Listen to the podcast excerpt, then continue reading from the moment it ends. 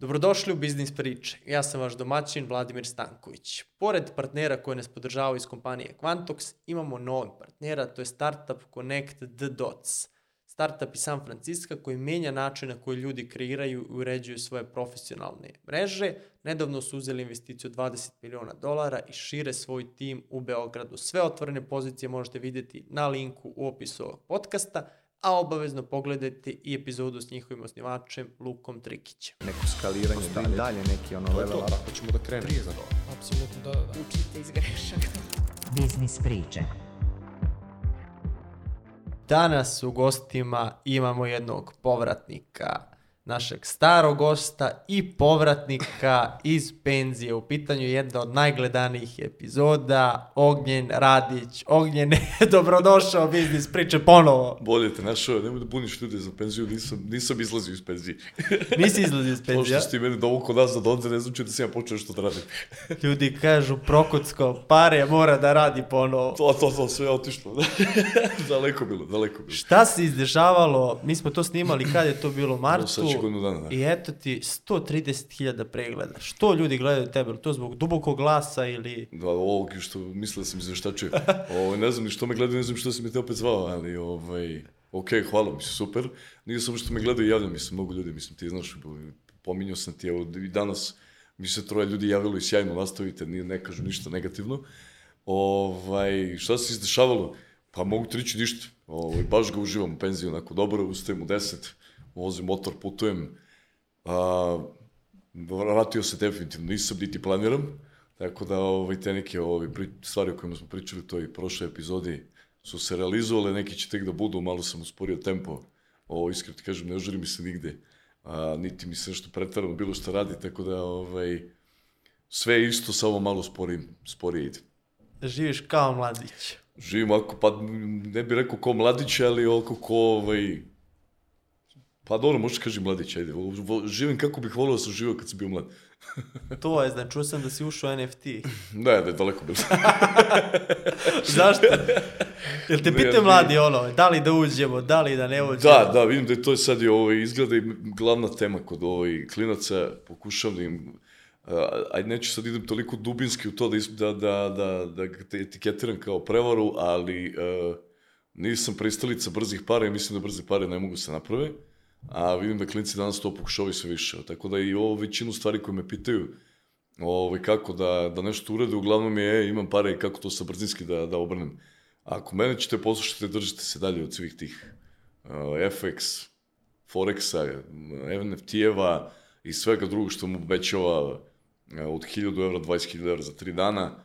To mm, sad radi neko vreme, ne verujem čak više da radi, radilo je. I da, to jeste onako neka brzinska mogućnost, ali to samo ako ste duboko u tome, znate nešto o tome, a ne ako dođete kao kompletan lajk i pitate mene, ovaj, onda čak ni brzo ne možete da... da, da, da I šta im ti kažeš, kako uložiti 50 evra? Pa evo da, baš sam ti pomenuo sad, eto, momak je pitao kako uloži 50 evra, rekao sam da uloži do u kafanu, ovaj, jer daleko je pametnije nego da, da, da proba da, da to nešto kao brzo okrene, čak i 5000 evra, bih rekao isto to. Mm, Brz novac ne postoji. Kako, Mislim, kako osoba koja je ono, mlada, ima ne znam, možda i manje od 20 godina i gleda sad na Instagramu, ovaj stavlja pare na sto, ovaj ovdje šmrče, ovaj zezanje, idemo, vozi se Porsche i kaže, možeš i ti ovo ako mi uplatiš ili ako uđeš u NFT. Kako Pa, da se obuzda to? Ja nemam s time problem, ovaj, mi to je bilo i u naše vreme, uvek je moglo se vidi, pogotovo u moje vreme 90-ih, tad je tek bilo tih brzih para, ali to redko kad su poštene pare. Ovaj, ja sam uvek pristalica onoga e, zaraditi toliko koliko imate želudac za to da, Šta da znači možete. to? Pa ja recimo nikad nisam imao želudac da budem političar, na primjer. I ako bih tu mnogo pre napravio ovo što sam napravio ovako i mnogo lakše, i čak ovo što sam napravio bi brže išlo i brže bi napredovalo da sam mogao da se ovaj da sam mogao da se bavim a, i da ulazim uopšte u taj neki recimo politički svet, tako da sve je do vas. Ako možete da budete kriminalac, onda brže od toga pare ne možda napravite. Ako možda budete političar, eto druge opcije, ako možete da a, muljate ljude na Forexu, super, ok, ali vi imate žalud za to, ja ne mogu da spavam i to, to je to. Mislim, ako možda spavate, mogu, onda mogu sa prebrze pare. Ako ne možete, imate i ole savesti, onda ne bih baš preporučio da se ovaj, a, bavite tim nekim granama industrije, da tako nazovem. Mislim da ćeš i ovu stolicu da razdrnaš. Da, da, da, kad polako, sigurno, klizom. Najnemirniji gost. Da, definitivno, da. Pa namerno mi stavljaš ovo, em su njeme nisko, em se spušta samo. Sam si spustio. Uh, razlog, ono što si rekao, što sam te zvao, jedan od razloga je što ti već, evo, od marta prošle godine svakodnevno dobiješ neka pitanja, ja dobijem pitanja, prošto ljudi žele da te čuju ponovo i onda da ne bi svima odgovarao pojedinačno, ajmo da odgovorimo na neka ta najčešća pitanja, imali ste priliku, postavili ste na Instagramu, YouTubeu, neka pitanja, probrat ćemo ono šta je zanimljivo, ovako ćemo malo čisto da pročaskamo, za ljude koji nisu gledali ili slušali, obavezno da pogledaju epizodu, zato što je ovo neki nastava. Znači, nećemo pričati o temama o kojima smo pričali, već idemo neku kaficu, taj razgovor i da pročavrljamo šta tu ima zanimljivo. Ti si, znači, penzionisao se, to sam ja bar onako šaljivo najavio prošle, prošle godine, međutim, ti, to jest, najavio sam sad da si izašao iz penzije, međutim ti iz te penzije nisi I- izašao, Nije ti planiram. kupuješ motore, voziš se Manje i više. dečačke snove živiš, a? Da, da, sve ono što sam ti rekao u prošloj epizodi da ću da odradim ili sam odradio ili je u planu da se odradi. Evo sad spremam iza tog skipera da, da idem da položim. A, pa evo, bukvalno sad učim te testove za prvu dozvolu za čamac, pa posle odeh na tu veliku obuku. Motora, evo, na, na četiri komada sam sad trenutno, imao sam i čak i šest u jednom trenutku. Ne znam da sam jedno 20 zemalja sam obišao prošle godine, to jest ove. Tako da, onako, nije me ni korona previše ovaj, ometalo u planovima, a poslovi uglavnom stoje. Znaš, tako da ono što pričali o poslovima, to stoji. Tako da da baš sam u penziji, čak sam u većoj penziji što sam planirao da budem. Kažu ljudi, pa koliko je on to mogao da zaradi kad sad se penzionisao sa 30 i nešto godina? Pa nije toliko i do zarade, znači evo što, uh, što manje vremena trošim uh, u poslu, uh, manje i trošim. Uh, Jer nekako, ono od ranije, ceo dan sam u firmi, uh, u kolima, pa ide na gorivo, ide na hranu, ide ovamo, ide onamo, sad ono lagano ustanem, spremim sebi doručak, tu sa kući, malo prođem okolo, sedem na motor, troškovi su mi pali jedno tri puta, tako da, ovaj, i, i da nisam prodao za koliko smo prodali, pa lagano, ovaj, na narednih 20 godina bih mogao da, da se opustim. Kad kažeš to, ono, troškovi su mi pali, baš smo pričali na Parkinsonov zakon, ok, ti sad zarađaš pet puta više, ali trošiš puta deset. puta ono. 10, da, da, bukvalno. Буквално по 10. Не си значи- упадо ти у ту замко, оно, сад оке, уште му кинто, ајмо да дижемо лајстај пута 100. Па не, обично не до да дизајн лайфстајла, не, ту, ту луѓе мало греши, ние сад, бени рецимо, на пример, сад ви дижите лайфстајл, ќе потем 15 дана Занзибар. 15 дана Занзибар кошта втини него 15 дана у Белграду, кад само на ултра активни фирми са по цел дан. Е највеќи трошко ствари ту су, ето баш тоа, транспорт, исхрана, sve te neke stvari koje ja sad mogu da Noćni život. pa nije noći život, nego ti ne stižeš tad ni toliko ni da izlaziš, ali jednostavno uh, na uštrb vremena uh, su ti veći troškovi. Jer ja sam mogu posvetim recimo vreme da napravim sebi ručak. Tad nisam imao vremena. Ja sam jeo 3, 4, 5 puta dnevno u restoranu. To je odmah puta 10 svi troškovi mogući. Pa ne znam, u kolima si, pa plaćaš taksi ovoliko ili onoliko, i putuješ avionom, poslom, ovamo, onamo.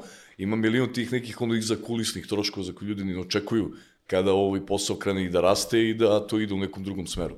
Tako da sad kad imam vremena, mnogo su mi manji troškovi, jer jednostavno vreme je najdragoceniji resurs i ono obično i troši najviše para da se uštedi. Tako da sad se sve ono, sve se menja drugačije. Znači, ono, i čak i taj noć, noćni život i izlazak ne košta ko, ko četiri obroka u restoranu taj dan. Tako da sve to ima, ovaj, sve ima svoju cenu. Plus kad čašćevaš cijelu kafanu, javljaju se ljudi Da, u komentarima. da, da, da.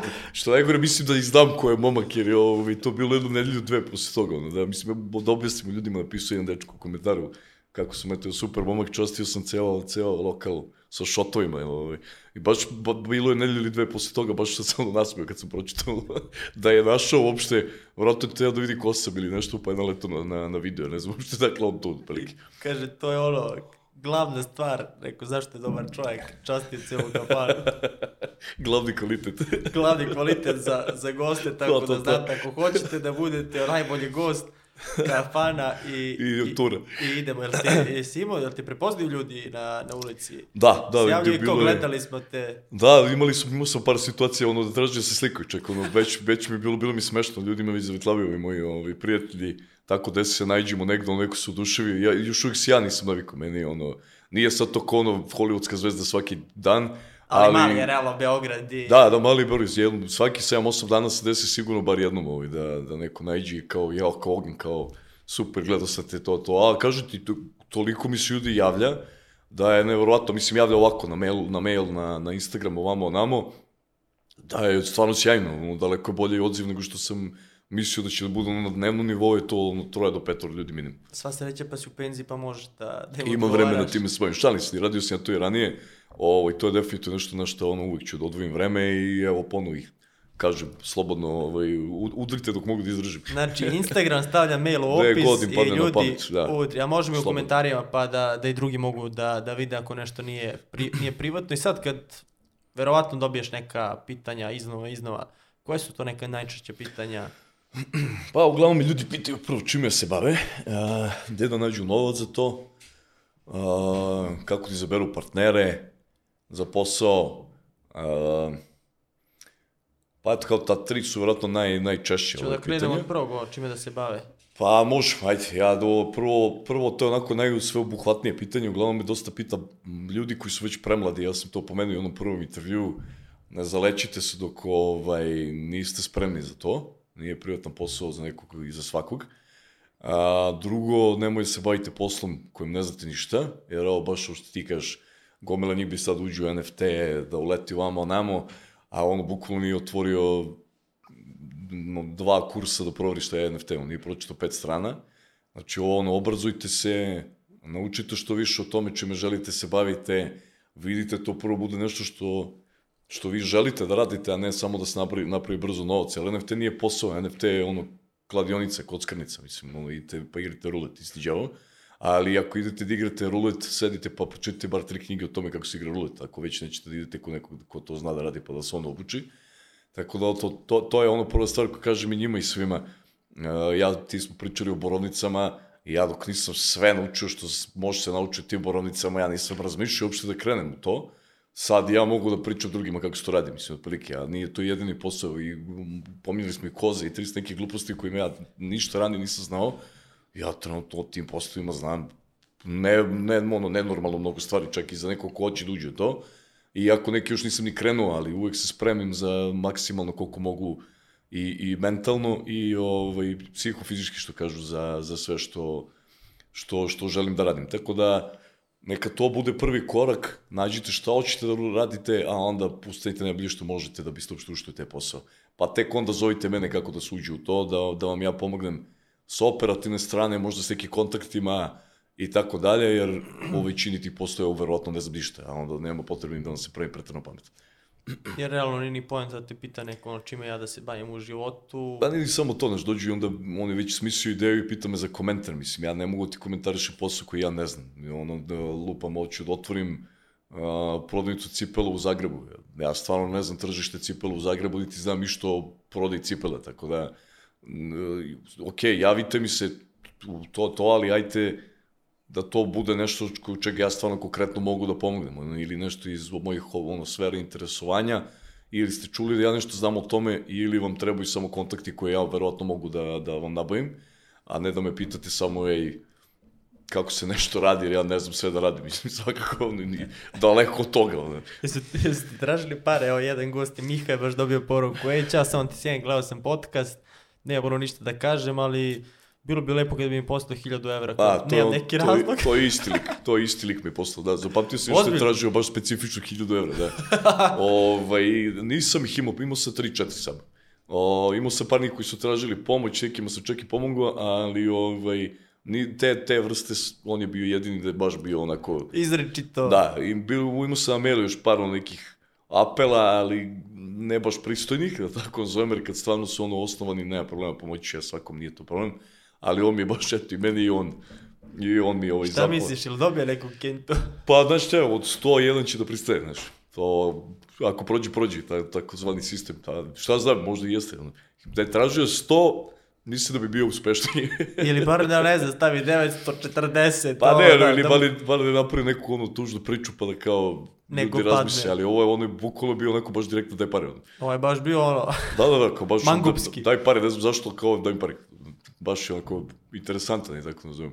ali vidiš kakav model. Znaš šta hoću da te pitam? Pazi, dobiješ toliko pitanja i sad, ok, vreme, vreme ne možeš na sve da odgovoriš, međutim, kako se izdvoje neke, neka pitanja od tih ljudi koji postavljaju ta pitanja, kako se izdvoje da ti jednostavno odgovoriš ili ne ti, ja, ne znam, bilo ko ko odgovara na ta pitanja, da jednostavno pre odgovori na njih nego na ostala pitanja. Znači nije ono, be, ok, ja ćeš da mi kažeš bla bla bla, nego vidiš nekako da, da se potrudio. Nisam propustio da odgovorim ni na jedno. Znači, nije uopšte sad neki sam odgovorio, neki jesam. Ako sam nekoga slučajno preskočio, nenamerno je, jer ih ima puno posle desi. Evo, danas odgovorio na mail koji nisam vidio od, pre dva meseca, sad sam i na njega odgovorio.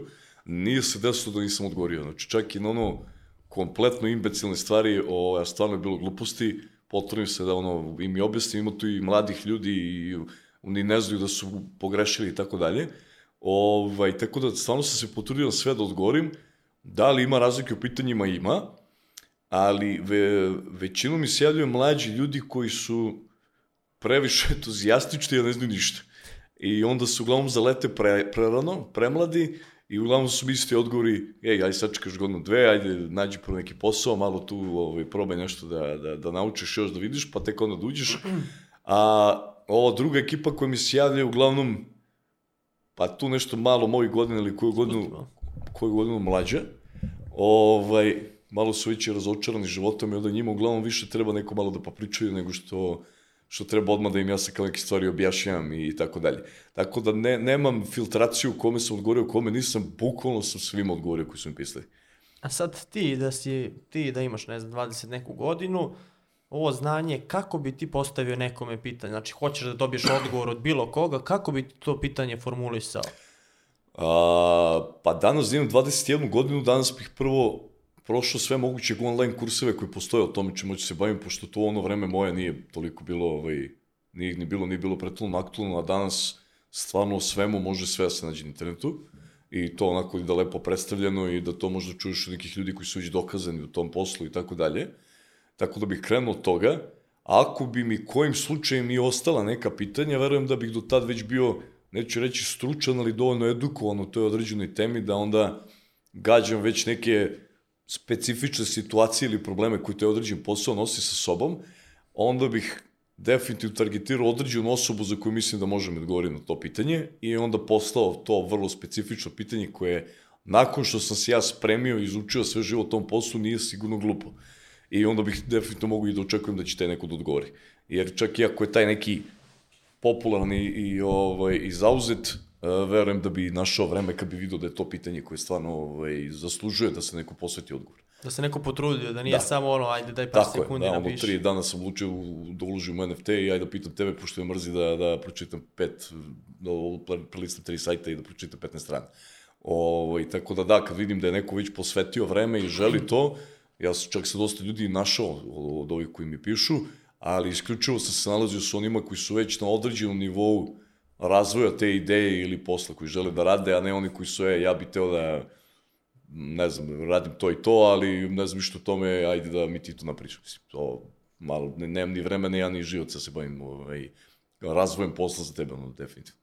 Jer To je onaj stadijum, ja sad, ok, pričamo, hoću krenem u biznis, ja, e, hoćeš da me, da me savjetuješ i ti izlojiš neko vreme, resurse, bla, bla, bla, ja posle dva meseca, e, meni se ne radi, idemo NFT. Pa upravo to, zato baš i to, jer kad vidim da je neko već ušao u to, čak i kad eh, se nađemo čak sa mojim savjetom, ne, to ti neće ići, ovaj, opet ću mu posvetiti vreme i naći, će, naći se sa tom osobom, jer vidim da je, da je odlučio da, da, da, da uradi nešto i već je uložio i vreme, možda čak i novac i tako i dalje, dalje. i upoznao sam par nekih sjajnih ljudi, mogu ti reći, ako baš, baš sjajnih, čak sam i uložio u dva posla, ovaj, tako da ono, mislim, kad mi neko dođe spreman, sve, sve opcije su otvorene, ono, nisam uopšte konzervativan čak ni prema tome i da uložim u taj posao, možda čak i da postanem partner, šta god, ali ako mi dođete samo sa ono, e, ja bih volao to da radim,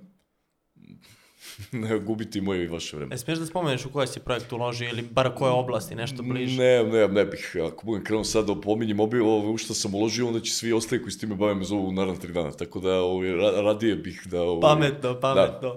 I sad malo pre sp- spomenuo, ok, jedan deo ljudi se javlja, kažu da su razočarani. Zašto su razočarani? Jel to vide na Instagramu, na društvenim mrežama, da sad ne znam, ovaj baca kintu u kola zezanje, a ima 20 neku godinu? Pa ne, ne, ne razočaran u tom smislu. Znaš, imam dosta ljudi mojih godina koji e, malo celo ova situacija koja ovde već traje neko vreme, malo ih već bacati u depresiju, znaš, neki su i dobili i decu i, i čekaju već 10 godina, 15 da se nešto desi, a ovde se ništa ne menja. Mislim, mi u Beogradu bolje živimo, ali sem Beograda, malo Postoji Novog Sada, ostatak. ostatak Srbije je, nije baš u najsjajnijoj situaciji, čak i u Beogradu, gde 70% ljudi nije baš najsjajnije. I onda su malo, dižu ruke malo, znaš, posustaju, a ja, ja često kažem, većini ljudi treba samo malo, treba samo neko malo da pogura, da, da, da, da imaju osjećaj da je neko tu i onda, drage volje, znaš, i čujem s njima i vidim i, i, i pomogem šta treba, većina njih čak i ne traži savjet u tom nekom poslovnom smislu, nego eto, vo, vole da, da, da, da, da im neko kaže da ne greše na tom putu u kome oni idu, znaš, jer ovo danas biti pošten i, i, i dobar čovjek više nije pretrano, ovaj, ne, nisi nagrađen pretrano za to, i onda povremeno im samo treba neko kaže, e, dobro je, ideš da treba, sve okej, okay, bit će bolje, možda i neće, ali ono, eto, bar da čuju da hoće. Tako da, to, to kaže razočarano, to sam mislio, nije, ne, nema tu mnogo klinaca, nije, ovaj, uglavnom su to ono ljudi već 27, 8 i više, ali šta je tu, mislim, to je sve, ovde, ovde kod nas to nažalost tako ide i normalno je i, Šta da i, i poručimo sad drago tim, mi je da mogu da, da, da, da i eto, nekim od njih budem tu.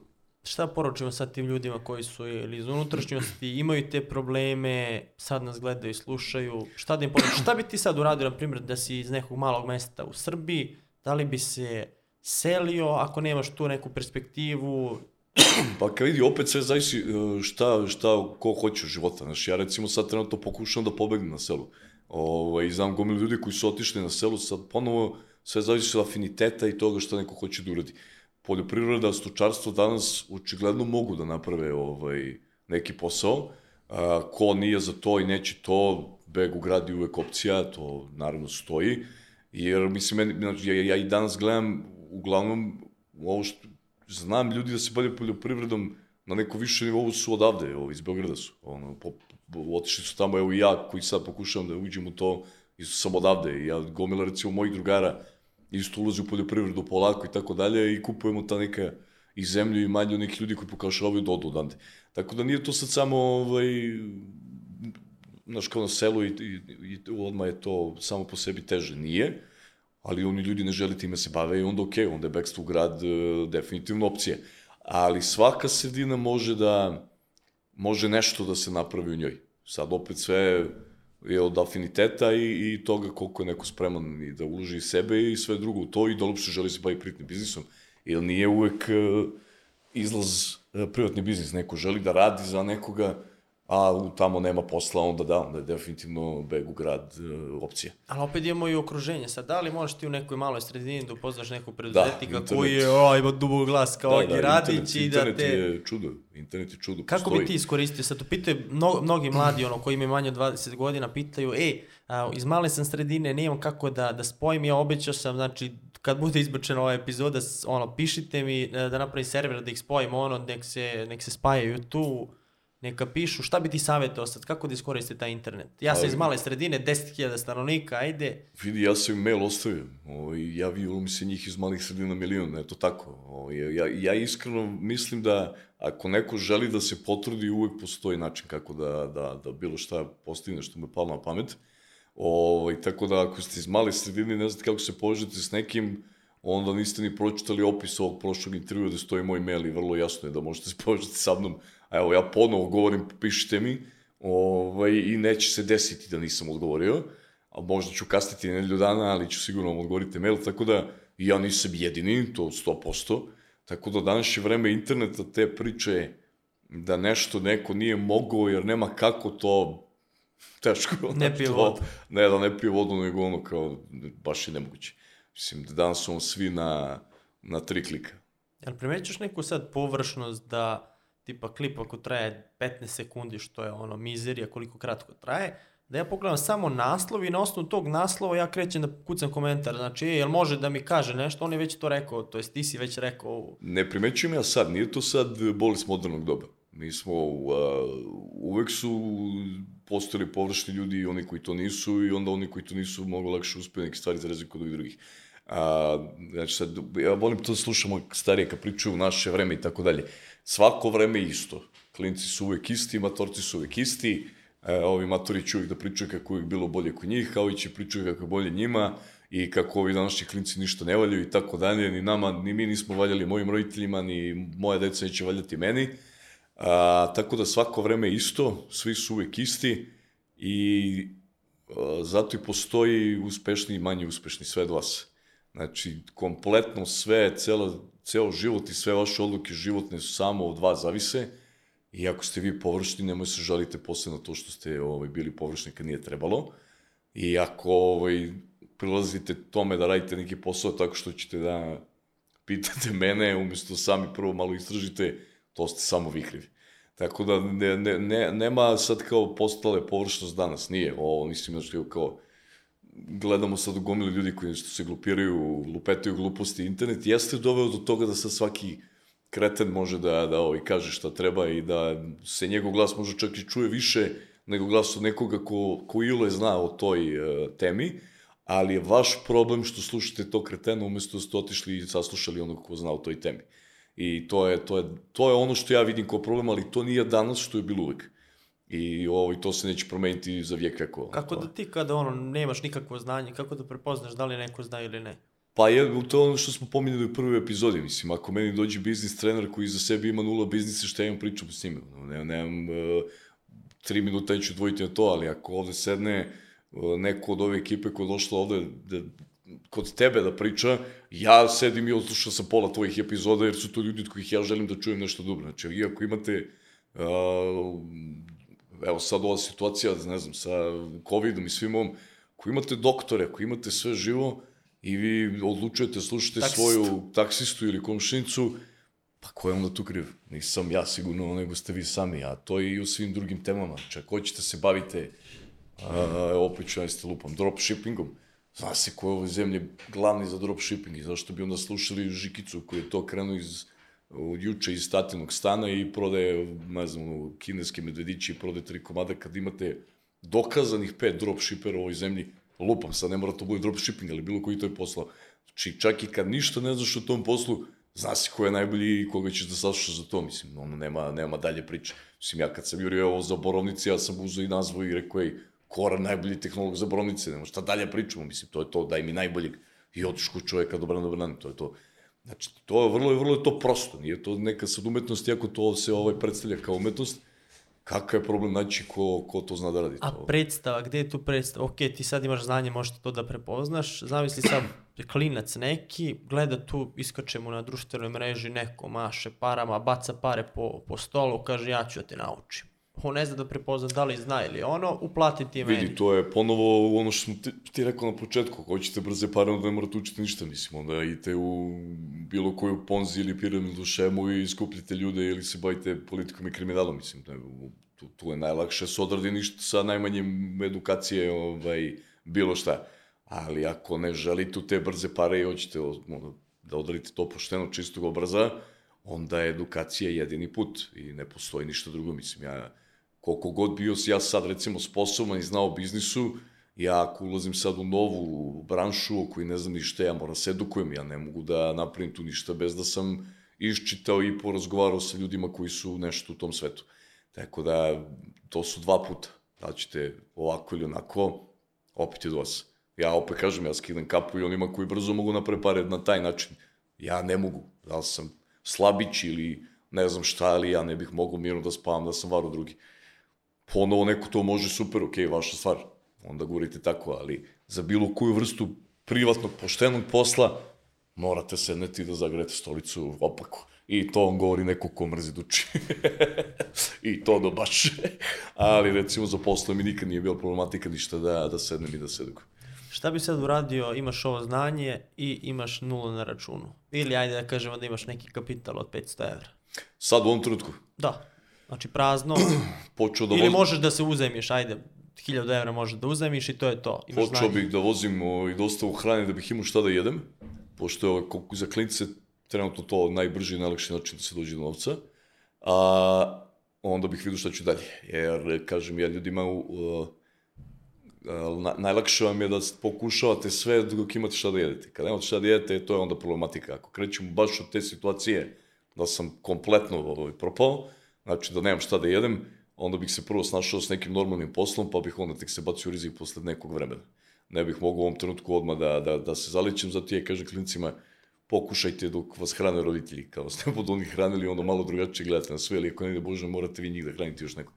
Onda je ovaj, ne, ne pričali smo prošli put, iskreno ti kažem, nisam siguran da bih ja sad mogu da sve izradim s početka. Znači, nema A, tu i sad više... da kažemo da imaš energiju sad, ono, isto. Pa, a miš kao koji bi im ja predlog dao čime da se bave, to. Pa ne znam, ovako sad iz glave direktno ti izbacim, ne znam, sa, sa malo novca u koji posao suđe, mo, nisam, odavno ne, ne gledam tu, tu ovaj, stranu posla, tako da ne, ne znam sad u ovom trenutku šta može da se za sitan novac aktivira i brzo radi, sigurno taj neki dropshipping bi mogao da, da, da se pokrene, a, možda bih izučio malo affiliate marketing, počeo se bavim time, ili nešto slično. Ali kažem ti, odavno nisam u, u, u sferi poslova koji ne traže mnogo novca, pa ne znam šta sad trenutno bi Ali si ovo da... lepo rekao, ono, da kad nemaš ništa, posebno za, za mlađe ova vožnja, vožnje dostave, gde može da se zaradi nešto da ostane sa strane. Bilo šta, samo da, da može se pregura dan i da ne razmišljaš šta da jedeš. Jer ja kažem ljudima, naj, najveća ono, tragedija života je da, da razmišljaš šta će sutra staviti usta. Sve drugo je, ne i to ne samo vi, nego i vaši bližnji, onda još gore. Sve drugo, kad to nemate na, na leđima, onda se diše pet puta lakše. A sad ko ima bolje predispozicije za, za rast ili za, za razvoj, ovi koji su u izobilju ili s druge strane ovi koji su tu kraj sa krajem se sklapa. Uh, pa sad, sad, sad predispozicije.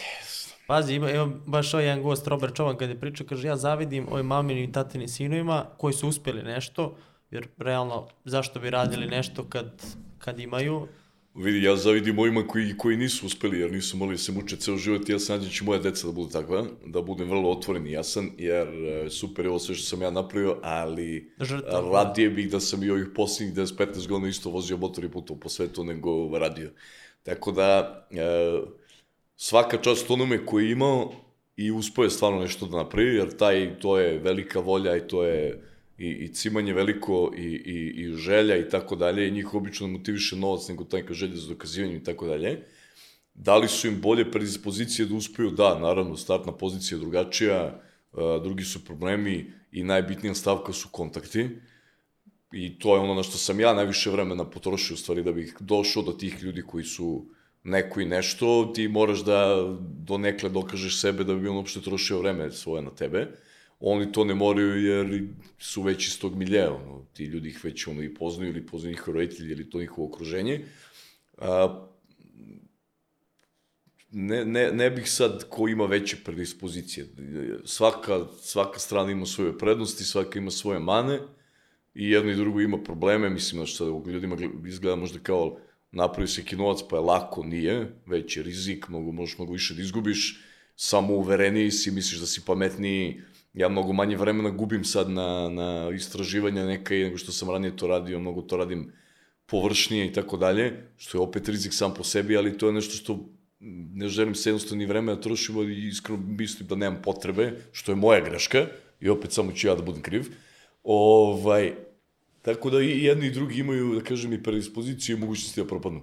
Ne bih eh, jednu grupu odvojio u odnosu na drugu, da ako gledamo iz ugla poslodavca, ja ću uvijek radije zaposliti nekoga ko čak nije iz Beograda, zato što bi se to za ovih par godina dokazalo da su to ljudi koji najviše se trude i, i, i valjda su i primorani su do nekle da, da, da uspeju.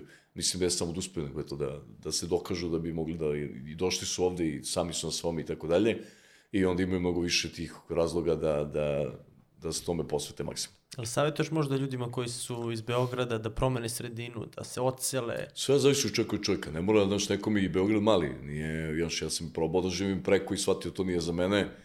Mada evo dan, danas ponovo počinjem da razmišljam o tome jer malo ovde već mm, celo okruženje i prili okolina postaje malo nezdrava ili sam možda ja malo napunio previše godina pa mi to sve više smeta, ali ovaj, nekom je i Beograd mali, ne, nije promena sredine, Ne, mislim iz tog gnezda, znači ušuškan si imaš stan. Ne, ovaj, ne, neće to, neće to ništa ovaj, promeniti. Ne, to sad kao ti si otišao i sad kao odjednom nisi još šuškati i da budeš u Nemačkoj bit šuškan jer opet uh, ideš sa time da znaš da ti je neko iza leđa. Drugo, nije, nije to jedini pokretač da si on u situaciji uh, da nemaš drugog izbora. Znači, nije, nije, nije to jedno što može da te, da te gurne, ali da li sam za to da, da ovaj, recimo, ako nisi Srbija onako specifična, ovde do, dosta onako drugarski, da kažem, se radi i posao i sve ostalo, ima i muljanje i svega ostalog, nekome recimo ne odgovara taj sistem, meni odgovara, ja sam rođen ovde, navikao sam tako, ja prodaram sam, dobro sam s ljudima i onda je meni to dobro, ali nekome nije, neko ko voli recimo uređen sistem i da on, da on možda treba da odu u Nemačku i da proba radi posao tamo ili u neku drugu zemlju gde je to ovaj, onako po, po strogim pravilima, propisima i tako. Ovaj, tako da sve zavisi od individue. Znači, neko, ne, neko će napravi sjajnu stvar u ne znam, Požarevcu, neko će iza Beograda misli da je Selendra i da treba da idu u Njurk. Tako da to je sve ovaj, onako vrlo, vrlo personalna stvar i, ne mogu neki univerzalni kao savjet da dam. Spomenuli smo da si uložio u neke biznise i sad nećemo spominjamo ni branše, ali hoću te pitam kako si procenjivao da li ćeš ući, ali to ono, osetio si tu negde ili koja ti je bila tu matematika, ako to možeš da... Pa, znaš kako, uh, meni je vrlo najbitnija ekipa. Ono, ovo, svideli su mi se uglavnom ljudi zato što uh, i, i, i glup posao može da, uh, da bude dobar ako se to odradi dobro. Ja uvek, recimo, ljudima pominjem uh, Čobani, tu firmu u američku, koju je ovaj, tvorio uh, Turčin. Turčin, koji prodaje jogurt. Mislim, i ono, napravi milijarde, ne, ne milione, nego milijarde za kratko vreme, samo tim njegovim pristupom, energijom i, i timom koji je napravio i prodaje ono proizvod koji je nama jogurt, znaš ništa. Ovaj, e, tako da meni je mnogo bitnije ko je iza toga nego šta je tačno ovaj, posao. Evo, malo pre sam ti baš pomenuo ovu jednu firmu i ovu jednu devojku koja bi bila super da dođe ovde. Taj njen posao nije ništa posebno, ali njena energija kad bude sela, onako nasmijana, puna, kako ona priča o tom poslu, koliko mene omađija posao koji se ona bavija, koji mene kompletno inače ne interesuje, to su stvari koji će uvek da, da ovaj, pomognem i možda čak i da uložim. I mnogo mi je to bitnije nego, nego ovaj, branša u koje, koji taj posao se radi ili šta je baš posao. Jer uglavnom ljudi dođu sa dosta nerazrađenim idejama koje i nemaju toliko perspektive u startu, ali lako ću ja od toga da napravim biznis ako ja vidim da oni to mogu da izgure. Jer taj biznis deo, ako ne umem ja, imam ja koga ću da zovem da, da to razradi, da napravi kako treba, ali nemam e, više ni, ni snage ni vremena da se ja bavim tim poslom, tako da mi je mnogo bitno da taj koji je iza, da je on stvarno u tome ono 100% i da vidim da živi za, za, za to. Ne mora to bude ni taj tačno posao, ali da je ta energija da vozi onako, da, da, da, da, nos, da lomi sve pred sobom. A primeti se to na, na prvo. Napravo, to se baš vidi na prvu loptu, da. Rekao si da te pitaju, ok, čime se bave, kako se biraju partneri za, za biznis, to te pitaju. Pa to je onako vrlo uf, ah, teška tema, ajde da nazovemo tako. Prvo, preporuka nikad nema raditi s porodicom, nema raditi sa dobrim prijateljima. A, mislim, ja imam i postoje koji će da dokažu kontra od toga, ali na gro situacija m, ne bih se zaletao sa, sa, u poslove sa, tak, sa, s tim osobama. Zašto? Pa zato što, jer vama su oni prijatelji iz uh, nekih ličnih razloga, imate neka zajednička interesovanja možda, ili ste odrasli zajedno, ili a u poslu ste možda kompletno različiti, a porodica jednostavno ne može da ih izbaciti jer su vam porodica. A uvek morate ostaviti sebi prostor da, da taj partner s kojim ste krenuli u posao nije baš idealan uh, fit i da, da će morati da, da mu se zahvalite možda negde na toku saradnje. Tako da ja definitivno te dve grupe bih e, kompletno uklonio kao opcije u saradnji. A što se tiče traženja idealnog partnera, pa opet ću navedem ovog mog partnera iz, iz, e, iz Fit Passa, on je moja kompletna kontra. Znači, mi smo ono yin yang, ono, bukvalno. Ja sam ovaj, onako društveniji čovek, volim da združim s ljudima, bavim se prodajom, taj sam, ono, ono ground worker što, što su me zvali u firmi, ovo, moje, ono, se zaletim glavom u zid i tako dalje, to, to je ono što ja volim da radim, a s druge strane mrzim pregovori s investitorima, baratanje novcem, financije, revizije, sve te neke gluposti koje mene užasno ovaj, usporavaju, koja ne, užasno nerviraju me same po sebi, a on je kontra, tako je, to voli, on nije preterano, ni ovako, ni, ni za druženje s ljudima, dosta je onako zatvoren čovjek, o, introvert, i, i ovaj, i, i tu, tu, tu smo se našli. On, ja se bukvalno nisam mešao u, u taj deo njegov posla, on se niži mešao moj, verovali smo jednom drugom, imali smo slične interesovanje u smislu šta, šta želimo od tog posla, kako smo ga isplanirali, da li želimo da izađemo iz njega ili da to radimo narednih ne znam koliko godina. I to su bile neke stavke koje smo se dogodili odmah u startu, a kažem kao, kao eto, poslovne ličnosti smo kompletno ovaj, uh, suprot, suprotni. I to je bilo onda idealna simbioza za, za ovo što smo napravili. Jeste radili pre toga nešto zajedno? Ništa na to, ovom, ovom visokom nivou, smo bili kolege u prethodnoj firmi. E pa tu ste da, već imali neko da, radno da, iskustvo. Da, da, već smo imali radno iskustvo i sarađivali smo onako blisko i onda se već tu videlo da, da sam ja ono što njemu fali, a da je on ono što fali meni. Jer imaš neki savjet, spomenuo si koliko su bitni kontakti, umrežavanje za mlade ljude koje ulaze u taj svet, imaš neke savete? Za kontakt i umrežavanje, pa preporučujem vam da idete na sve živo, sve moguće društvene aktivnosti koje možda odete i da, da, da ne budete u strahu da prilazite. Znači, od studentskih organizacija ISEC, STM e, i tako dalje i tako dalje, jer e, alumni mreža, recimo ISEC-a, koju ja koristim sada ono, ono besramno, je nevjerojatno jaka. Znači, tu ne postoji firma u Srbiji gde i, ako trenutni generalni, onda bar neki direktor nije da li iz ove ili one studentske organizacije, to je prvo. Drugo, tu su vam rotari klubovi, gomile drugih nekih organizacija koje se isto bave nekim lepim i humanitarnim stvarima i drugim, da isto imate nevjerojatne ljude, a imate priliku da iz prve ruke sednete pored njih za sto, jer su tu. Ono, isto, isto, kad ste član, niste isto nivou koji neko ko ima 35 godina u toj organizaciji, možda 60 godina i možda je direktor ne znam čega. A, sajmovi... Samo da nisu stranke. Samo, pa ne, mislim, opet, ko hoće u to, može u to, ali je, tražite ljude prema svojim afinitetima. U stranci teško da će nađete, da, da naletite na preduzetnika koji je ovaj, nešto napravio, a onda sedi tamo ili, ono, bije se luđu u parlament. Mislim, to se dešava ni u Srbiji nikad. Mo, da, nekdo neki drugi zemljama da, ali ovde to onako baš redko. Ponovo, prema svojim afinitetima, zavisi koga šta interesuje. Ovaj, tako da imate gomele tih nekih i organizacija i aktivnosti i društava gde se skupljaju razni ljudi. Mislim, ja sad počeo sam baš intenzivno sad da se ovaj, idem i na motoskupovi, sve ja čak po motoklubovima sada nalazim sjajni ljudi. Lekare, hirurge, preduzetnike, direktore i tu ima svega iako ono, postoji taj stereotip o motoristima prljave bradonje onako ovaj, i ja sam u koži i to, ali opet nisam prljavi bradonje kao što većina misli. I upoznao sam čak i tu neke sjajne ljude s kojima sad ovaj, sarađujemo u nekim poslovima. Tako da bilo koje organizacije, bilo šta koje skupljaju sve moguće sfere ovaj, života i ljudi iz svih tih sfera, samo se držite toga. Dok ste mali, to su studentske organizacije, kad malo podrastete, to su onda možda neke humanitarne ili neke nevladne organizacije koje se bave nekim stvarima, pa onda nadalje nadalje, ali uvek ima, uvek ima prostora da dođete do tih ljudi.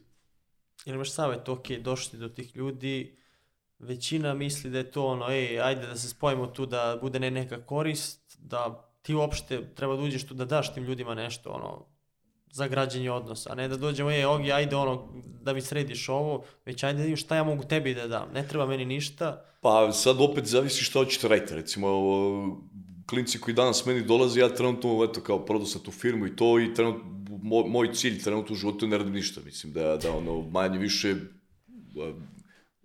radim na tome da mi bude dobro u životu. Znači da on, to je putovanje, ono da hoću da trošim vreme na to kako da smislim gde ću da odem sledeće, da uživam u tim nekom slobodnom vremenu. Znači većina ljudi koji su nešto kao uradili, glavni prioritet im je slobodno vreme. Slobodno vreme se kupuje novcem i to je ono što kod nas u zemlji kao novac je veliki, velika tabu tema, kao tome ne treba da se priča Novac je ništa drugo do kupovina slobodnog vremena, slobode. I on svima treba za to. Znači, ništa drugo nije bitan koliko za to. Dakle, meni u interesu da imam što više poslova kojima, kojima ja ne moram da radim ništa. Što će reći da ako mi ti sad dođeš kao klinac sa dobrom idejom, razrađenom, treba ti neka sitna lova, ja sam vrlo voljen da ti je dam da bi meni narednih 10 godina kapljala para od toga što si ti uradio. Još bolje ako ja ne moram da se angažujem. Znači, to je idealno. Tako da, bitno je da a, vi prepoznate šta tom nekom treba da mu ponudite baš to. To je kao i svaki drugi sastanak prodaje. Znači, ti odlaziš na sastanak s jednom idejom, pa onda u toku tog sastanka možeš da promeniš ovaj, i pristup i šta prodaješ i po koji ceni prodaješ i tako dalje. Isto i ovde. Znači, uspeo si, došao si do nekih sposobnih ljudi, pametnih, hajde sad da sednem i da vidim šta njemu treba. Eto, isto kao što si ti sad pitao mene, tako možda sedneš i da pitaš bilo koga. O, ja bih volao da čujem nešto od vas, šta vi mislite o ome ili onome. On se bavi, ne znam, poljoprivredom, ti si došao spreman, zato ti sediš s njim, jer ti imaš neki projekat u poljoprivredi, ti njemu ponudiš da možda bude partner koji bi bio angažovan, pa vidiš da njega to angažovanje ne interesuje, super, da li možda vas interesuje da date neki novac, pa ćete dobijati od toga. Šta god. Znači, vi se bavite prodajem, prodaje jedno od najbitnijih veština, to je rad ljudima, neko će to nazove prodaju, neko će nazove HR, ovaj, sa kojom prolazite kroz život. I spremite se, znači, za taj sastanak eh, da biste došli do tog pozitivnog ishoda koji vama treba. Rekao si da je cilj, tvoj cilj, da ne radiš ništa, ali misliš, možda, mislim da sam te pitao u prethodnoj epizodi, da li ćete smoriti to? Pa ne, vidi to, ja što kažem ne radim ništa. E, e, da ne budem primoran da radim ništa što neću da radim. Znaš, ovom pričali smo mi o, kažem ti, ja i te borovnice krećem i evo sad smo e, već pripremamo i da krenemo to etno selo da pravimo. A, nije da ja ne radim ništa, ali ja bavim se poslovima koje ja hoću da radim. Mislim, to je ta sloboda koju mi je ovaj, novac kupio. E, ja i kad sedem na motor, ja radim nešto, ceo dan vozim, planiram da ću odputujem i tako dalje. Sve vreme si ti nekom angažovan si na nečemu, ali nije ono kao sedim i gledam u plafon ceo dan. A, nije da ne radim ništa, samo e, imam slobodu da ne moram više da radim ono što neću da radim. Mislim, jer ono, ranije ono, sedem u firmu, dođem ujutru, sastanak sa advokatom, sa knjigovođom, sa Perom Žikom i od 10 sati dnevno ja sam 2 sata uživao u tom danu, ostalo sam morao nešto da radim. Ja sad isto 10 sati dnevno se viđam s ljudima, bavim se nekim nečime, ali se sad bavim nekim stvarima koji su meni sjajne, mislim, evo, između ostalog posvećujem vreme tim klincima i meni, ja uživam u tome, nije samo kao sad oni su nešto izvukli iz toga, evo, došao sam i ovde priča s tobom, imam vremena za sve. Znači, imam vremena i da odem posle da se i provozam danas ili preko 5 stepeni i tako dalje.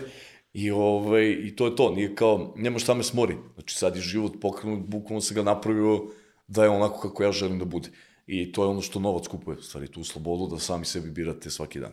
Život po tvojoj meri. Sad, Da. da li bi menjao nešto u zadnjih pet godina što se tiče tog biznis plana, biznis puta? Ne, ne, ne bi, to mi uvek kažu kao vratio bi se, šta biste, kad biste mogli da se vratite, i ja sam uvek u fazonu, ja sad treba vratiti pet godina, da ponovo preživljam ti pet godina iz početka, iako će možda krajnji rezultat biti bolji. Hvala, ali Ne. okej mi je, znaš, ono baš mi je okej. Bilo je tu par nekih kardinalnih grešaka za koje su mi jasne i koje znam da nisam trebao napravim, ali evo sad neko mi kaže, aj se vratiš dve godine, ja da nju ispravim i onda treba ove dve godine da vučem ponovo. Ne, hvala, ne, okej sam. Ajmo da imamo pitanja šta kažu, prvo ćemo s YouTube-a da izvučemo, a ti ako imaš neko pitanje koje si zapamtio da je baš bilo ono karakteristično, možemo da, da zabodemo. Sad šta je fora, dosta je ono uopštenih pitanja, pa evo ti. Opiši nam kako se osjećaš trenutno kao penzioner u tri reči. Pa evo, prilike, već sam To manje više rekao. Da je bolje ne bi valjalo. Ali evo, pazi ovo, brate, to je moj inače ono, odgovor kada neko pita kako je, da je bolje ne bi valjalo. Znači, nema razmišljanja. Brate, pitaj ga kako je najbolje da se utopi ideja, to jest kako je najbolje prodati neki projekat, s kim je najbolje ući u partnerstvo, to smo odgovorili. Kako naći način da projekt uzme nekog koga može razraditi, a da nema veze s našima ovdje. Ako si nešto razumije, ajde onda ovaj prvi deo. Brate, pitaj ga kako je najbolje da se utopi ideja. Utop ideja. Ali ideja, pazi, ne, ne projekat, nego ideja samo. Pa, e, to dosta toga ovaj, dobijam i pogotovo imao se dan, evo danas sam imao mail, onako baš isto loše sročen, gde me momak pita kako da me pita za neku ideju, a da ga ja ne prevarim otprilike. A, ja, ja sam o tome već pričao, ja mislim čak i u prošloj ili možda u drugom nekom intervju. A, mora shvatiti da a, verovatno niste Nikola Tesla da ta ideja za koju vi mislite da je ultra genijalna, da je ultra glupa, najvjerojatnije. I ako i nije ultra glupa, sigurno je neko već negde smislio.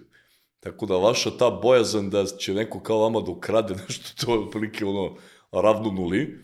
Drugo, bojazan sa recimo, meni će neko neku ideju da kaže i onda ću ja da mu kradem, Ja toliko trenutno nemam živaca se bavim s tim nekim sitnim ono i pogotovo kao sad ću nekog da prevarim da bih ne znam šta uzeo, ono, 40% više ili to su takve nebuloze, ono, to je nevrovatno. Ovaj, i, I drugi savjet, pre nego što odlučite da pičujete tu ideju kao genijalnu, sami istražite da li to već ne postoji čak i kod nas. Jer 90% stvari za koje mi se ljudi javi s tim genijalnim idejama, mi ono u Srbiji već imamo pet firmi koji se time bave kamali preko. Ovaj, tako da, da, ima među vama i neki Nikola Tesla novi i sjajno je to i, i držim palčeve, ali šansa da ste Nikola Tesla su baš male, a šansa da ste smislite nešto što niko pre vas nije su nula. Ono, bukvalno, ne, ne blizu nule, nego su nula. Znači, neko je vratno već smislio i ako ne postoji, onda znači ne može da uspe. Ali je sigurno neko već smislio. To je odgovor za, za ideju. Pazi sad, evo ga ono pitanje koje se nadovezuje na nešto što si ti rekao. Da li graditi karijeru u manje zagađenoj zemlji ako znamo da su voda, vazduh i hrana glavni faktori zdravlja, a znamo da Srbija i Beograd katastrofa što se toga tiče. Čak ima i odgovor jedan, a nisi ti. O, buf, sad vidi, ne znam šta tu ti kažem, ono, ovo zagađenje nije od juče, mislim, mi od, svi smo odrasli s ovim zagađenjem, jer ja verujem da ovo traje već 50 godina, ne 10, samo se ranije nije merilo, pa nismo znali koliko je tragično. Da, da li tragično jeste, da li ako imaš opciju treba da ideš i treba, ja kažem svima da treba da odu da probaju, pa ko ne može nek se vrati, ali da li ne treba da upadneš u zamku sramote da se vratiš, to nemoj slučajno. Mislim, ja verujem, većinu ljudi koji znam da su preko se ne vrćaju što ih sramota priznaju da su probali. A, zagađenje jeste veliki problem, ali e, nije nešto što će definitivno ovde biti rešeno uskoro, zbog i, i finansijskih i svih drugih situacija, znači nije to samo politički problem ili ne znam kakav, jednostavno to ne može se reši brzo dok god e, se ovde neke druge stvari ne reše. A, da li zbog toga samo treba otići meni to nije toliko na, na listi prioriteta da bih otišao. Ja evo malo pre sam pomenuo da prvi put u životu razmišljam o odlasku, ja razmišljam iz nekih drugih razloga, jer ovde evo, ovaj, malo šundišljam, previše ovaj, dobiju na, na značaju i, i, i već počinje mene da guši koji pokušavam da se ovaj, sklonim od toga, tako da ako je vama to dovoljno razlog da se ode, onda treba da odete, da. Ovaj, u nekom trenutku će, nažalost, izgleda i meni ovo moj razlog biti dovoljan da ja odem, tako da sve, sve je do ličnih afiniteta i šta je vama bitnije u životu. Evo jednog finog kulturnog pitanja, kaže veliki pozdrav za goste i voditelja podcasta. Kaže, pazi sad, zanima me mišljenje o tome šta se pred muška, muškarce postavlja, što se pred muškarce postavljaju sve veći zahtevi i očekivanja u smislu materijalnog. Društvene mreže su tu podigle na naš više nivo, prosječan muškarac u današnje vrijeme pita da li je sposoban za brak, jer ne može da obezbedi svoje porodice život, koji imaju izuzetno uspešni ljudi svojih oblasti. Sad ima još, ali to je, to je pitanje. u suštini. Pa i to je sad opet do tebe. Znaš, sad sve zavisi od toga šta ti hoćeš u živote i šta ti misliš da to žensko treba da očekuje tebe. Mislim, ja sad ovde pametujem, imam 35 još malo, ja nisam se oženio još uvijek, a, ali to nema veze sa time da li sam uspešan, nisam uspešan ili, ili ne znam šta. Od, od mene ni jedno žensko nije tražilo ništa, da budem vrlo jasan. O, niti smatram da, da, da su žene takve i da ti treba nešto, da, da se brineš oko toga. A, ovi standardi koji se trenutno nameću u društvenim mrežama mogu da ti budu nametnuti samo kad ih pustiš, da ti se nametnu, inače ovaj, od tebe to zavisi od toga koga ti pratiš na mreži, taj, to ćeš i, i prihvatati kao, kao nešto što je i dobro i, i, i neophodno i što je merilo u nekom društvu. Da, ovo jeste kapitalizam i jeste potrošačko društvo i materijalno je izraženo, ali s druge strane to opet zavisi od tebe. Jer ako budeš gledao ono zadrugu i farmu i ostale gluposti, onda će ti polako da postaješ to što gledaš tamo. Ali ako se budeš gledao Jona Memedovića i neke sjajne primere koji dalje mogu da se nađu kod nas, ovaj, onda će i tvoj pogled na svet da, da, da bude malo drugačiji. Jel imaš odgovor na pitanje koji je posao budućnosti u Srbiji? A, hrana, definitivno. Tu nema priče nikakve. Mislim, ne znam i da li ste čuli, oni Talking Cats ekipa je počela da radi orga, ogromnu organsku proizvodnju baš kod nas. Ovo, otvorili su nevjerovatnu ogromnu firmu, kupili su zemlje strašno. Ovaj, hrana je definitivno, ako budemo pametni budućnost kod nas. Ne znam da ćemo biti, ali to je nešto što može bude buduć, budućnost kod nas. Hrana, ne litijum. E, pa sad ja, ja moram tu, vratno ću malo navuče bez, ali e, ja nisam protiv eksploatacije litijuma, ali ja sam protiv toga kako Rio Tinto to radi. Ako se u narednih 10-15 godina nađe mogućnost da se to eksploatiše bez da zemlja strada okolo, ja sam okej okay s time, ali ne ovako kako je trebalo da se radi ovde. Tako da, ok, mi možemo i od toga da uzmemo nešto, naravno da ti ugovori ne budu napravljeni na štetu države, nego da iš država profitira od, od te eksploatacije i da to ne utiče na prirodnu sredinu okolo. Nisam ja protiv ni eksploatacije litijuma, samo, nisam, samo sam protiv ovoga kako sad su oni to planirali da urade i da je desetine kilometara okolo su trebale da budu uništene zbog toga. Pa sad zbog toga je dobijen taj kontekst, ono, litijum, automatski to što smo vidjeli da... Upravo, da, i tu da će sad radi. biti problem da, da se promeni cela retorika oko toga, ali zato ti kažem, vjerojatno ću i sad navučem malo gnev na sebe, iako je vrlo jasno šta sam rekao. Pa, možemo stavimo ponovo pa nek preslušaju. da, da. E sad pazi, ok, rekli smo, koje su tvoje najveće greške u poslovanju neuspesi?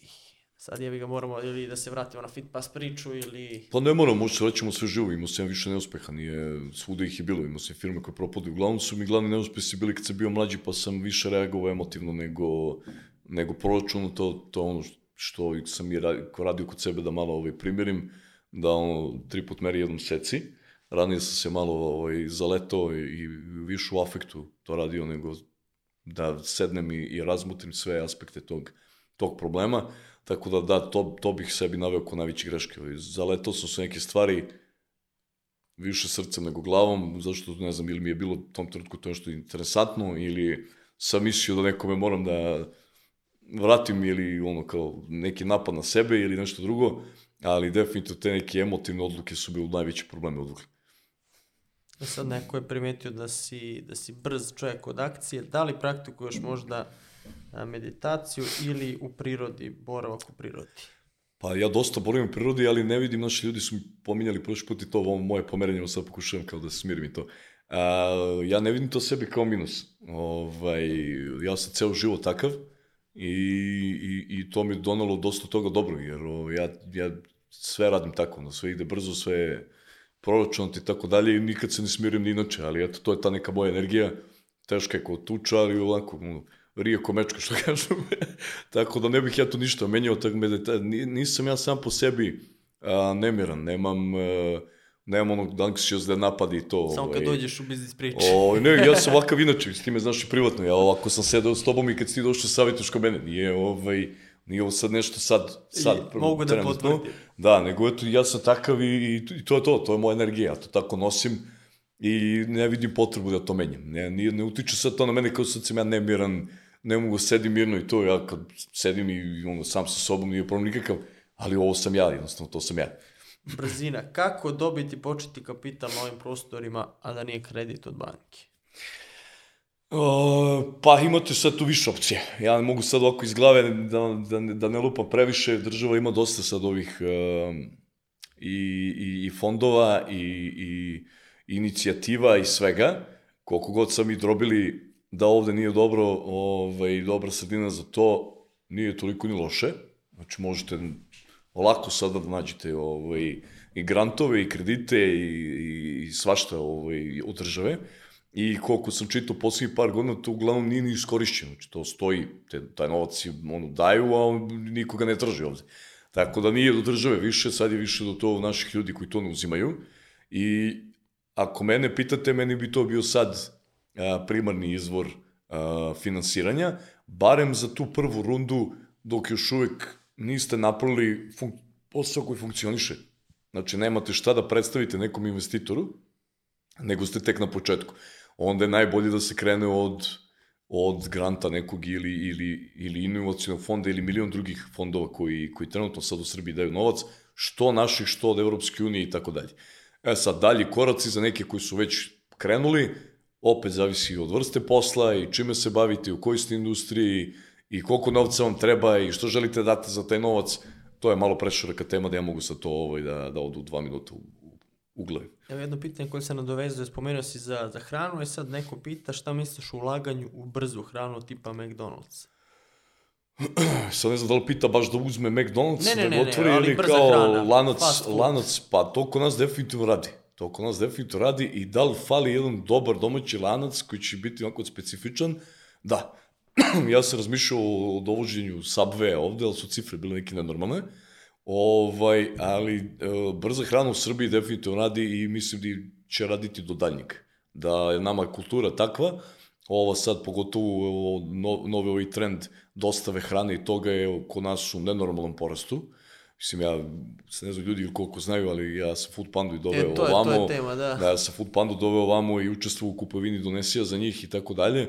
U ono vreme Srbija imala sa, sa Bosnom oko 2000 poručbina dnevno. Sad je to na sat vremena. Tako da to, to su, to su nenormalne rast, nenormalne rast tog posla, tako da da, fast food kod nas uvek. Ali, uh, aj sad evo biznis ideja, ja ne bih pravio fast food, ako mene neko pita, ja bi otišao u, sad Volt, Glovo, ko već zamolio nekoga da me posavetuje, našao bih u kom delu grada se šta najviše prodaje, lupam Novi Beograd, najbolje idu sarme, pljeskavice i sladoled, zakupio bih halu, napravio jednu kuhinju koja bi pravila sve te vrste hrane, registrovao bih pet različitih restorana koji se bave sa pet različitih vrsta hrane, svi idu iz iste kuhinje, dogovorio se sa svim mogućim dostavama, napravio svoju i radio tako. Minimalni troškovi jer imate jednu kuhinju i, i zaposlen samo u jednoj kuhinji, na jednoj istoj lokaciji, nemate restoran u smislu stolova, dogovorite se i napravite što god hoćete. I onda vam dođe neko i kaže, ok, evo počeo su ljudi palačinke, vi samo dodate palačinke i to je to. I Ili- bukvalno ste iz jedne kuhinje napravili 10 restorana. Ili što bi rekao isto k- gelato. Da, ili gelat. Eto, Da, biznis, po, da pozdravimo isto kao, da. eto, eto, biznis ideja. Ti, e, to je od, odlična stvar što si rekao i baš možemo tu temu da, da obradimo pošto si u materiji za, za tu brzu dostavu. I sad, pazi, evo, jutros idem na doručak i dva lokala su ovde u ulici zatvorena u poslednjih mesec dana. Znači, prvi, drugi. Ova situacija i onda taj model koji ti predlažeš da nije uslužno da zavisi da li će lockdown, da li neće, nego u kuhinji to radi. Upravo tako. Da, to je, to je cela poenta, nemate troškovi su minimalni, plus e, tu je veliki, veliki problem kod tih lokala je renta. Vi ovde nemate rentu, vi možete uzmeti kuh, u halu u IMT-u za 100 evra, 200 kvadrata, napravite kuhinju i 100 evra vam je renta. A 10 restorana vam radi odande. Jer vi ako hoćete otvoriti još jedan restoran, vi zaposlite jednog kuvara, nemate pet kelnera, čistača, pet, dva kuvara, dva pomoćna kuvara, sve one support funkcije koje inače su vam potrebne za, za klasičan restoran, vi ovde možete sve staviti u jednu kuhinju i da svi rade za sve. I bukvalno napravite 10 restorana plus svoje dostave, vi ste mirni. Je li to dokaz, to što kaže da tržište raste, naručbine raste, e, dokaz da ovi veliki igrači dolaze, evo vidimo sad šta se dešava i to se baš... Nije, nema to veze, oni su sad iskoristili svi ovu, ovu korona situaciju zato što je ona dosta pomogla do poslovima dostave. Ove restorani, restoranima su pali prometi jer niko ne dolazi u njih u smislu da sedi, ali su im porasli drastično prometi na dostavama. I evo sad možete vidite da ono, oni dostavljaju sve živo, od hrane za pse do koktela ono, iz barova. Ovaj, tako da korona je sad dosta tome pomogla, ali ja verujem da to se neće više smanjivati nakon što korona prođe. Jer, Navika. e, da, to je sad već postala navika. Drugo, ja ih sad gledam, mislim, meni nije drastično jeftinije da ja napravim to sam nego da kupim iz restorana. I to je super stvar, da su tu, cene su donekle došle ovaj na isti nivo. Volt i Glovo su uradili da ta dostava bude relativno pristupačna i jeftina svima. Mislim, jeftina, nije to džabe, ali je prilično jeftina. Mislim, ja čak iz restorana oko svog, ne znam, tu bloka besplatnu dostavu imam. Ovaj, tako da su oni pomogli da se to definitivno populariše, ali pomogli i ova cela korona i mislim da će to da nastavi. Tako da, ja ako bih sad ulazio, ne bih ulazio u klasičan restoran sa ono, bašta, stolovi, sve živo, nego baš u ovo što smo pričali. Oni uzimaju koji neki procenat, 35? Uzimo oni dobar procenat, nije to malo, ali ovaj... Ali ima tu matematike ono za, za E. biznise, za veliki neki ono volumen ili... Za sve. I za manji volumen, sa opet kažem, zavisi šta vam tačno te znači mali volumen, veliki volumen, znači koliko ljudi Da, ima na primjer, pravim zaposlenih. picu sad 1000 dinara košta, ja ako ode preko Da, dostave... tvoj trošak na tih 1000 dinara je ultra mali. Mislim, testo je smešno i tih pet parčića šunki, to je što, preko što si stavio ti si već tu, imaš maržu koja je sigurno 60-70%, sigurno. Šta god pričali. Ali već u startu kad odbijemo ovih 40... A ne, neće to- ti oni uzeti 40, mislim, oni uzimaju 15-20 max, nije Šta? to, pa Volt i Glovo, na primjer.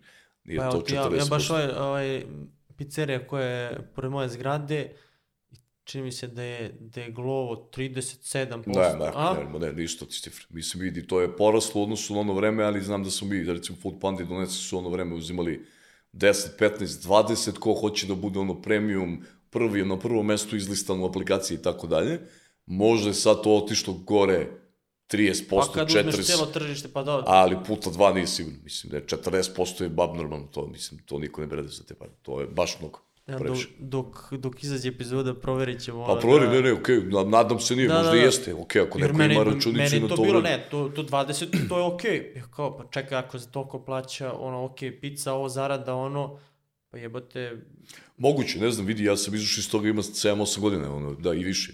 Davno je to bilo, to mi stvari poslednji posao pre, pre Fit Pass. Tako da ima, ima dosta, ali moguće, ali opet kažem, 40 je to već malo... skoro si komentarisao baš ona tranzicija donesi kad su kupili i onda su, ne znam ko je, ko je pisao na A, dobro, ima dosta, Fejsu, dosta njih koji pametuju, da. Upucali su tad ono, Da, koliko, da, da, da. milion, a nisu uspjeli da kupe bolje da su... Da, da, da, pa na kraju smo i kupili, mislim, uopšte nije bilo nije. Ma dobro, mislim, ljudi, ljudi vole pameti o nečemu čemu nemaju pojma, pogotovo kad je prošlo mnogo vremena. Ovo, I to je kod nas nacionalni sport, ovo nije ništa, ništa čudno. Kako je iz tvog ugla određena ta, ta tranzicija sad, migracija? Pa okej, mislim, ja, ja jedini problematiku koju sam vidio u- aplikacija je loša, mislim, meni Glovo jezivo, kao aplikacija bi užasan, ja, ja Volt obožavam baš zato što je toliko upotrebljivo da, da nevjerovatno, mislim, on je bolji od svega što sam ja ikad naišao, koristio sam 30 tih različitih aplikacija u različitim zemljama, ono, i razvio sam pet u, dru- u, u firmama ovima, ovaj, i Volt će da pojede sve samo zbog toga, zbog korisničke podrške i fantastičnog ono, user experience-a u, u njihovoj aplikaciji, a Glovo je užas za korišćenje. Mislim, ja, ja, ja uđem iznerviram se, ba, baš mi je ne, nepre, nepregledno i sve. I iskreno mislim da je to ovaj, a, najveći problem bio plus ona kampanja koja je bila težak fail onako, u ono vreme i, i svog onog besa koji su navukli kupovinom Donesija, da, da koji su trebali da iskoriste mnogo bolje, mislim, ono, samo je to malo loše odigrano. Tako da ja, ja trenutno u ovoj tržišnoj utakmici skidam Voltu kapu. Ovo trenutno što se dešava je, je bomba. A evo vidim da se sad pojavi još jedan neki novi Mr. Nešto di bamba, kako Ne? Mr. D neki E, Mr. nešto, D, da. da. Ali mislim da je budućnost svega toga su dark storovi i da to će sve u nekom trenutku, da će oni, oni će da će te Dark firme, storovi? pa ja mislim da će te firme koje se bave time, da u nekom trenutku samo pojedu sve ostalo, da oni će polako krenuti da otvaraju ovo o čemu smo ti ja malo pre pričali. Čekaj, Dark Story je to što si... Pa Dark Store ti je, e, recimo Glovo i Volt su počeli da ostavljaju hranu, pića iz podruma, pića Aha. iz Maxija ovamo namo, ali zašto bi on recimo plaćao Maxiju cenu koju on tamo plaća i uzeo neki procent, kada on može napravi svoj magazin, da kupi tu robu istu po velikoprodajnim cenama i da onda šalje svog magazina. To je Dark Store, gde on ima, lupam, u Beogradu 40 svojih uh, magazina, gde on drži sve živo što on zna da se prodaje već, jer on ima pregled jedini u ovoj zemlji šta se prodaje, on nalagiraju sve te magazine, sve što treba da, da, da ima, po velikoprodajnim cenama i nabavci koje je nenormalno, jer mnogo jeftinije kupiš 5 miliona Coca-Cola nego jednu, i onda šalje odatle. I u nekom trenutku on samo sklanja konkurenciju iz svoje sobstvene aplikacije, izlazi, izbacuje Maxi i sve ostale koje mu smetaju, a onda u nekom trenutku on može to isto uraditi restoranima. I sad je samo pitanje dok, dok, koliko daleko će da ide. Jer ja vidim da već Volt je počeo to da radi, vi već imate Volt Market koji tamo stoji, ja im skinem kapu za te potez, to je fantastično. Kakav biznis Ovo je ideja. kakav biznis ideja i to je ovo je nešto što ja mislim da je, da je, da je potez budućnosti. Već se u, u Evropi pojavljuju novi igrači koji samo time bave. Imate već Joker i još par nekih firmi koji su čist su? dark Nije biznis. Poljska ili... I Poljska i Nemačka koje obično vode. Brazil ima već tri ozbiljne igrača. I to je očigledno nešto što, što kreće sad novo. Tako da sad ćemo vidjeti u kom pravcu će ovo svići. Ali vrlo je zabavno. Mislim, meni ta industrija uvijek bila ovaj sjajna. Mene genijalno si to, to razložio. Sad kad gledamo to, tu tržišnu utakmicu, prže se dosta kinte, ili se toliko kinte stvarno i pravi, ili su to ono čisto da bismo se držali sa konkurentima, da ulažemo u marketing? E sad to, sad to ti dosta zavisi, znaš, mi u Rocketu recimo smo imali milionske gubitke mesečne, ali e, to Rocket ima vrlo specifičan startup pristup gde se upucava milijardu i nešto ono, dolara u firmu na par godina i onda se onda prodaje za 5 milijardi. Ovaj, tako da Food Panda je bilo onako, i sad Delivery Hero je bilo onako mašina za, za ovaj, jedenje novca, ali u nekom trenutku to stane, zaustavi se i onda prestane i to. Ovaj, jer ovde u stvari najviše novca sa trenutno ide na te neke agresivne marketing kampanje, popuste za, za korisnike i slično. Ovaj, to je sve nešto što može i da se izbegne uh, i da se smanje tu odmah troškovi. Tako da u ovom trenutku oni rade na rapidnom širenju, rastu i onda je zato i toliki trošak. I jeste tu i do nekle borba s konkurencijom, ali opet to nije to, ne radi se to na nivou na kom mi radimo. Ono, Delivery Hero se nekom trenutku spojio sa Food Pandom, znaš, uvek jedno pojede drugo. Evo mi sad i ova situacija da je Glovo kao kupuje, donesi, u stvari je Rocket kupio Glovo od početka i samo je pripajao donesi Glovo, mislim. I to sad neki potezi koje ono normalnom čoveku ni ne, ne padnu na pamet, ali s druge strane mi ovo ovde što gledamo je za njih smejurija, mislim, niko se ne boji Srbije, mislim, ja, ja kad smo radili ovde s Foodpandom Srbiju, meni su, Rumunija imala dnevne troškove veće nego mi ovde kvartalne, mislim, to su, ova tržišta su toliko mala da to je nebitno. Zanemarljivo. Skroz je nebitno, mislim, što i to je to taj recimo komentar kao napadali donesi nama, meni donesi bio devet na listi prioriteta, mislim, totalno, kao ajde da uzmemo i Srbiju, jer sam ja odavde i da vidimo i ovde da se proširimo i tako dalje, ali recimo znači, jedna pauza koja je radila samo Zagreb i u tom trenutku imala bolje rezultate nego donesi koji radi u dve zemlje, mislim, i on ja više sa vremena potrošio na pauzu nego na, na kupovinu pauze nego ovde. Ali naravno to našim ljudima, pošto su ovde, sve ovo izgleda kao, ne znam šta, ovde su stvarno dešava ništa, mislim, ovo što Volti Glovo uložuje smešno. To je za, na svetskom nivou i na to kakve su oni firme, ono, sitniš. Ali ima, ima smisla tu sad ono da pojedinci ili manje kompanije ulaze, ulaze u taj biznis sa ciljem da se prodaju kasnije? Ima, ali mora da pogode nišu šta kod ovih ne valja. Znaš, ja recimo Globo bih zamerio njihovu korisničku podršku, Voltu ne bih mogo to zamerim, i, i ima prostora ako se ide da, da se ispuni nešto što oni ne mogu da ispuni. Recimo se pojavi sa neko ko će garantiti dostavu za 10-15 minuta. Bombona, ajde, da probamo to. Ili se pojavi neko ko ti garantuje dostavu svega, ne znam, udigli do lokomotive, направил обачности, ја реко Dark Stormy на све страни, тебе кошта 50 евра магазин да го направиш свако блоко на Новом Беоруду, например, ставиш два момка на бицикл и да достави само тај блок. И ти гарантуваш рецимо доста 10 минути свега. Ја приседим куќи, скупила си екипа, фали ми кикирики, па фали на два пива, па и ти направиш тоа посо. Увек има простора, само треба овај е, начи кои се слабости овие кои веќе се ту i napraviti nešto što oni ne mogu da ti stignu tek tako. Jer ti ako napraviš neku sitnu stvar koju oni mogu lako da izmene, lako će te, da, te, da te pokore, da tako zovem, ali ako odradiš nešto, vidiš da im fali i odradiš nešto što oni ne mogu da se prilagode tek tako, onda nema problematike nikakve da, da ti tu budeš novi igrač. A smo bradili temu dostave bombonica. Ko je za taj biznis? Ko će da je, treba, treba da... Cijel biznis plan je tu. Da pogleda. Kažem, na većinu ovih pitanja smo već odgovorili, ali pazi sad, Ok, ovo pita kako se zaposliti u Fitpassu. Poštovani, da li se isplati, evo ne, poljoprivredu smo odgovorili, da je ovaj, ovo sam htio. Pita šta bi predložio kao prvi posao posle faksa, recimo nekog tehničkog, ili koji je njegov predlog sad kad bi počinjao da radi, gde bi volontirao, gde bi tražio iskustva? Pa dobro, sad on opet pita, to su tako uopštena pitanja koje ja ne mogu da vam odgovorim ništa, zato što a, to čime bih ja volio da se bavim sigurno nije ono čime biste vi volili da se bavite. Ako jurite pare, ovaj, to vas neće držati dugo, mislim. Ja, da oni, ja znam, oni me sad pitaju čime se baje da bi zaradili novac. Da, da, ne može da se bavite s nečim samo napoli pare, mislim. Ja bi najviše volio da sam programer, ali ja ne mogu da budem programer, mislim. Ja ono, tri dana mogu da sedim i četiri dana ću polovim i kupio tri sebe. Tako da, ovaj, e, nema univerzalni odgovor, ja treba da idete to i to, bi pravili pare, jer ako će to, mislim, to da nisam ja adresa koji treba se obratiti.